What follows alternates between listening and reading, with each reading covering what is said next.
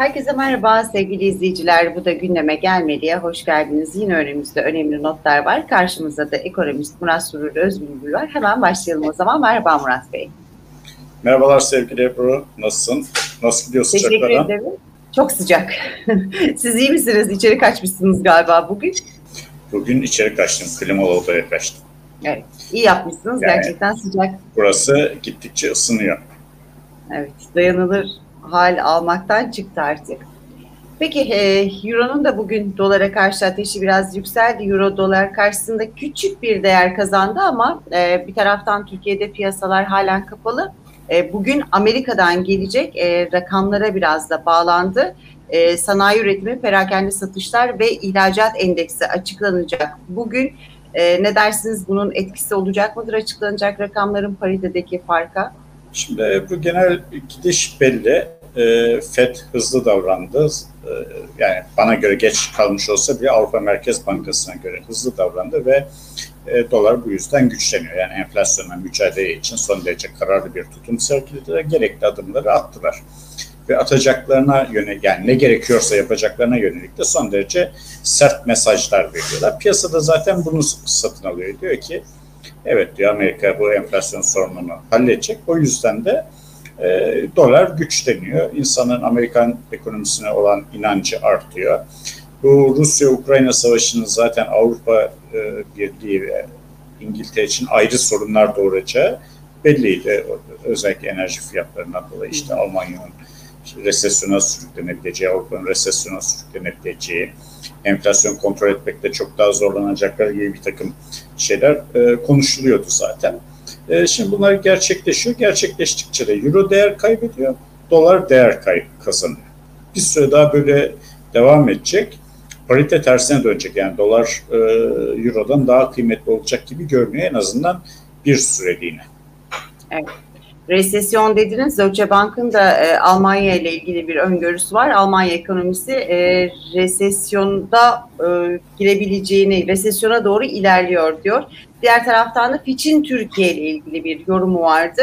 E, Türkiye'nin yeni ekonomi politikasının kredi riskini arttırdığından bahsediyor. İşte bu 2023'teki seçimlere kadar hala yüksek büyüme ve e, bir taraftan da istihdam odaklı olduğunu düşünüyoruz diye de e, altına da not düşmüşler. Tabii e, baktığımızda Türkiye'nin 5 yıllık CDS primleri de e, 900'ün hala üzerinde. Şimdi e, 900 puan artık battı balık yan gider seviyesi. Yani bu seviyede olan bir ülkeye zaten hukuki riskleri var.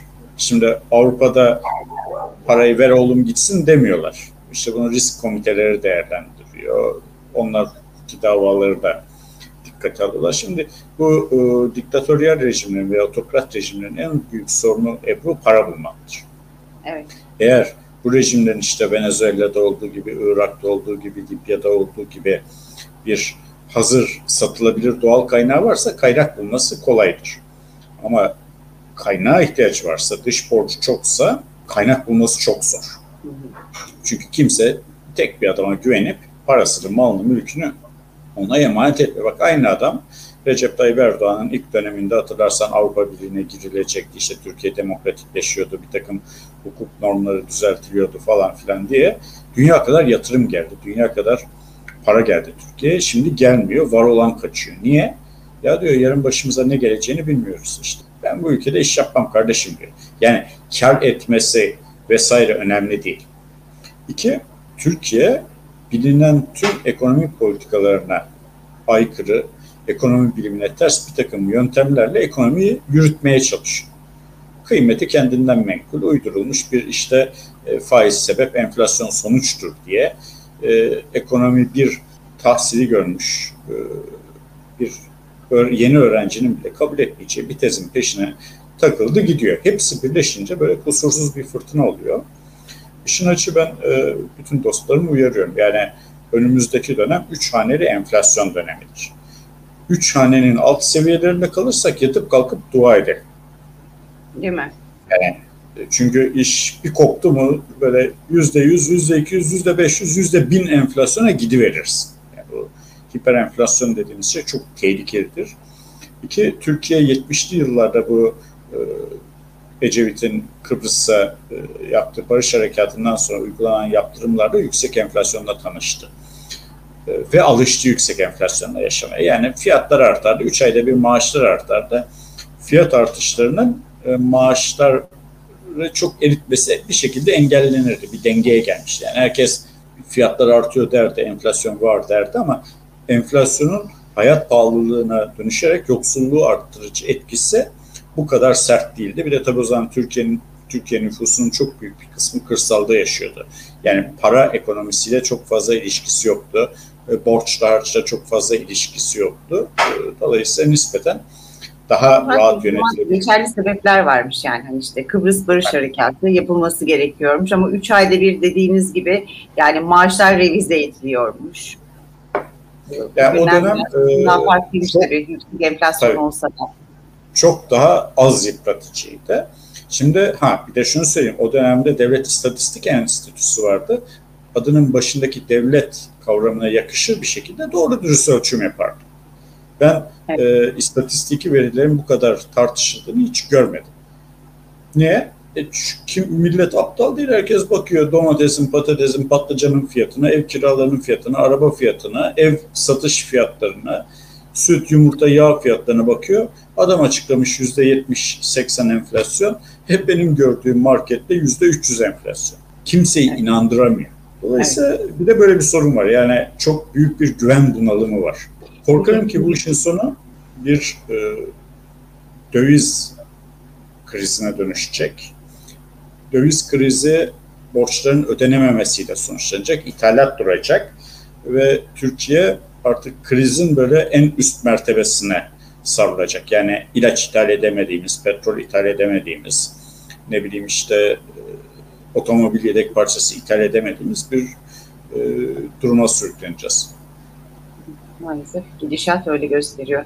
Peki Amerika'da işte sanayi üretimi, perakende satışlar ve ihracat endeksi açıklanacak dedim ve bizde de açıklanan rakamlar var. E, takvim etkisinden arındırılmış sanayi, inşaat, ticaret ve hizmet e, sektöründe toplam ciro endeksi e, Mayıs'ta geçen yılın aynı ayına göre Murat Bey tam %32.7 artış göstermiş. Bunun nasıl bir etkisi olacak? Şimdi bunun iki olasılığı olabilir. Türk halkı parayı buldu harcıyor, cirolar o yüzden artıyor. Bu bir olasılık. Onu bir kenara koyalım, o değil. O değil. O zaman fiyatlar arttı demektir hep. Fiyatlar arttı, cirolar arttı demektir. Dikkat edersen burada TÜİK'in açıkladığı enflasyon e, verilerini boşa düşüren bir şey ortaya çıkıyor. Orada da üç haneli bir artış var. Şimdi eğer böyle insanlar geçtiğimiz seneden yüzde yüz 30 daha fazla bir alım satım yapmıyorlarsa yani %100 daha fazla peynir tüketmiyorlar, %100 daha fazla ekmek, yumurta, süt, domates, patates tüketmiyorlarsa bu artış fiyat artışını gösterir. O da TÜİK'in rakamların yanlışını ispatlayan bir gösterge olur TÜİK eliyle. E, benzer bir şey zaten üfede var. Yani üfe 3 haneli artmışken tüfenin iki hanede kalması, aradaki makasın bu kadar açık olması, e, esnaf, iş adamı, tüccar vatandaşı e, cebinden finanse ediyor demektir ki bu sürdürülebilir bir durum değil. Peki bakalım Amerika'daki veriler geldiğinde onun nasıl bir etkisi olacak e, paritelere yarın da onu göreceğiz. Ben çok teşekkür ediyorum size. E, tatildeyken yine vakit ayırdınız bize ama bizi izleyen izleyicilerimize de teşekkür ediyorum. Onlar da vakit ayırıp bizi izliyorlar. Sağ olsunlar. Evet, Ebru, e, son olarak şunu söyleyeyim. Bu tip Buyurun. durumlar dünya ekonomisinde de bir ülke ekonomisinde çok ender görülür ters dalgaya yakalanırsan servetini yitirirsin. Hı hı. Yanlış evet. iş yaparsan, yanlış yatırıma girersen e, gerçekten çok büyük ölçüde zarar görebilirsin. Onun için e, ben bütün yatırımcıları, bütün hane halkını, bütün iş adamlarını yani parayla ilgisi olan herkese 40 defa düşünüp bir defa iş yapmaya e, davet ediyorum. E, yani evet. çok acı çekebilirler çok yoksulluğa düşebilirler. Servetleri, varlıkları eriyebilir. Yani bu tip enflasyonist dönemde diyelim ki bugün sen paranı tuttun yüzde 25 faizle bir yıllığına bankaya yatırdın. Enflasyon oldu yüzde 300. Bir sene sonra paranı aldığın anda sen servetinin yüzde 70'inin eridiğini görürsün. Peki çok teşekkür ediyorum. Tekrar yarın görüşmek üzere. Hoşçakalın. Görüşmek üzere.